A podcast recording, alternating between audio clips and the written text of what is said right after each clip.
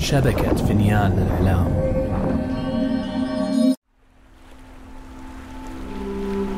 القدر.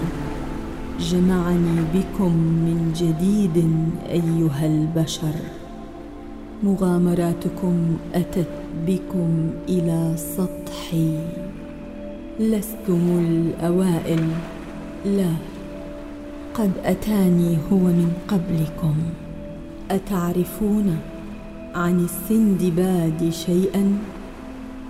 هم لعلي أخبركم إحدى حكاياته.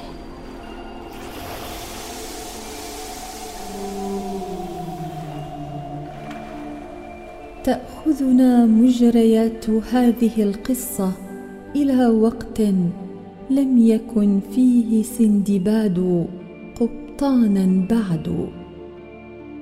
ولم يكن لديه بحارة ولا سفينة بل كان يجول مختلف المدن بحثا عن الرزق.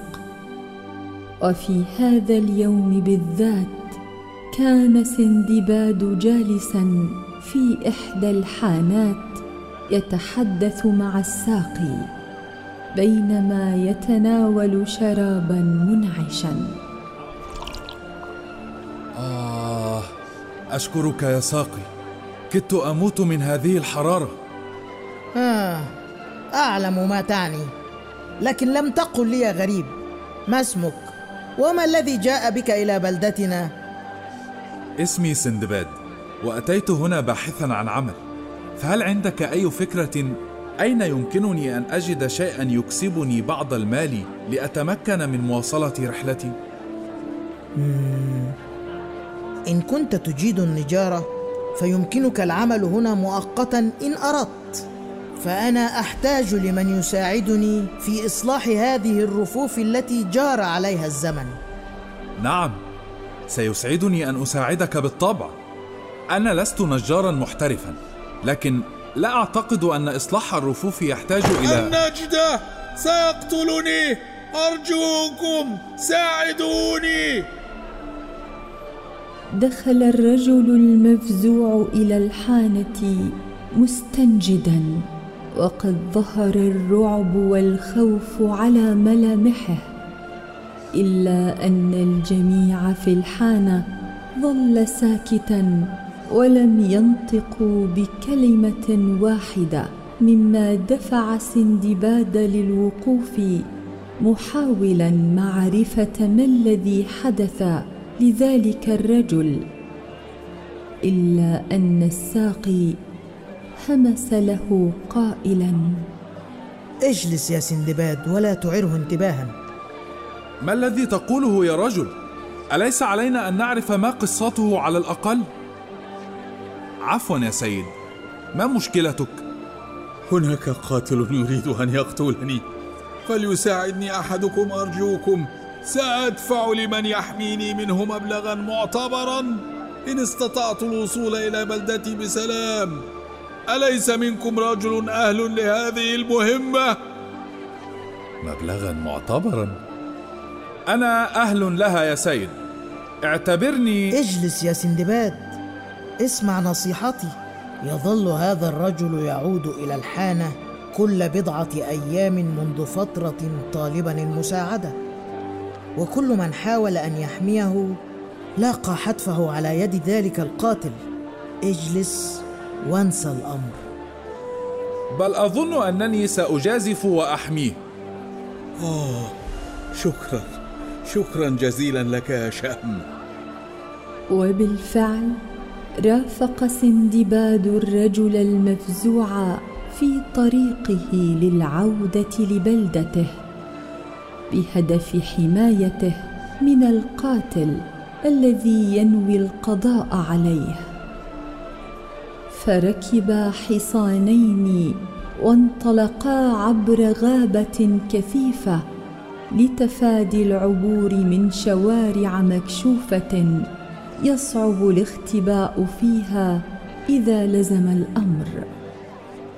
بعد فترة اطمأن الرجل وهدأ باله فبدأ بسرد قصته على سندباد بينما هما في الطريق. أنا يا سندباد زعيم بلدتي. أحكم بين الناس بالعدل والحكمة إلا أن هناك جماعة حاقدة تريد قتلي للاستيلاء على الزعامة والنفوذ.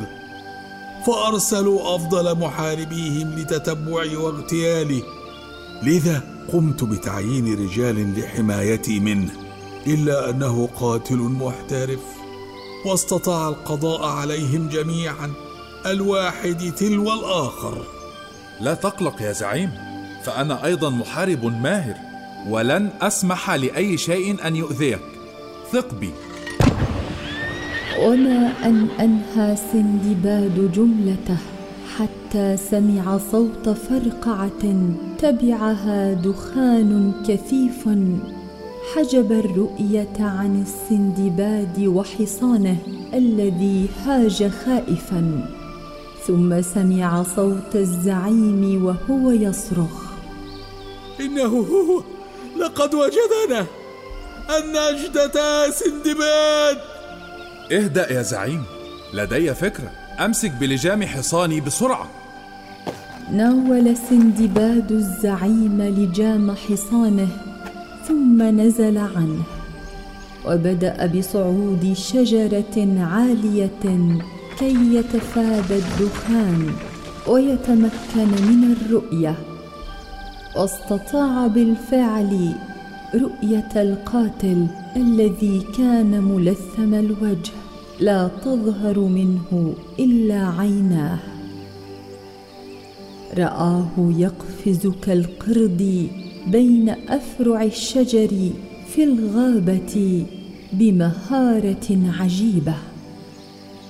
فأمسك سندباد بخنجره وبدأ يقفز هو الآخر من شجرة لأخرى محاولا الإمساك بالقاتل. إلا أنه تفاجأ عندما فقد أثر القاتل فجأة وكأن الأخير اختفى تماما. فقرر سندباد العودة إلى الزعيم خوفا من أن يباغته القاتل إن واصل ملاحقته وابتعد كثيرا. ولما عاد إلى الزعيم كان الآخر يرتجف خوفا في مكانه.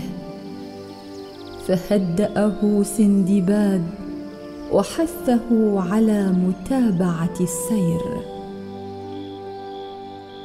وبعد أن غربت الشمس بدأ بنصب الخيم للمبيت في جزء مخفي من الغابة على أمل ألا يجدهما القاتل.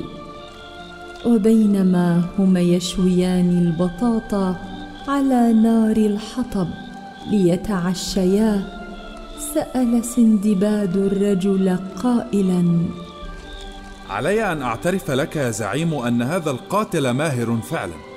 لكن لا تقلق فأنا ند له ولن يسهل عليه التغلب علي لا تقارن نفسك بذلك الوغد يا سندباد فالطعن في الظهر ليس من شيم الرجال بل دليل على الجبن. فلو كان رجلا حقا لواجهني بدلا من الخداع والحيل. ربما معك حق إنه جبان خسيس. لكن قل لي لماذا تركت بلدتك وأنت مدرك للخطر الذي تعرض نفسك له؟ سؤال في مكانه يا سندباد لكن السبب بحد ذاته لا يهم.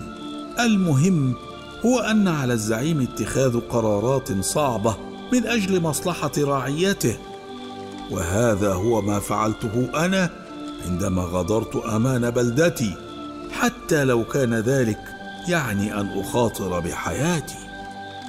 إن رعيتك محظوظون بك فعلا يا زعيم. شكرا يا سندباد. وعلى فكرة إني أرى فيك خصال الزعامة والقيادة أيضا. فعليك تنميتها وإدراك خصائص القائد الناجح. مثل ماذا؟ يعني أنا مثلا لا أعتبر الزعامة سلطة ونفوذا فحسب. بل هي مسؤولية كبيرة وتتضمن واجبات كثيرة تجاه الناس. على الزعيم الحقيقي تحكيم المنطق والعقل في الأمور كلها وعليه أن يضع مصلحة رعيته فوق مصلحته الشخصية. كان كلام الزعيم ملهما جدا بالنسبة لسندباد. الذي كان يحلم آنذاك بأن يصبح قبطان سفينة يوما ما ويكون له بحارة يقودهم حول العالم للتجارة والمغامرات. فنام تلك الليلة وهو يفكر بكلام الزعيم.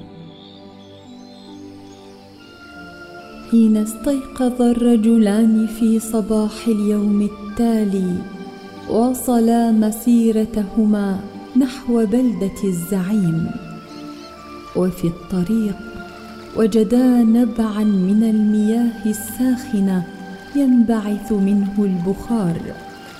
فقرر الزعيم الاستحمام فيه إلا أن سندباد اعترض قائلا لا أظن أنها فكرة جيدة يا زعيم. حياتك في خطر فمن الأفضل لنا الإسراع في الوصول. لكن يا سندباد كان البرد قارصا في الغابة ليلة أمس وكادت عظامي تتجمد. هذه المياه سترد لي حيويتي فتنهد السندباد ووافق مرغما ووقف يترقب المكان حول النبع بحذر شديد.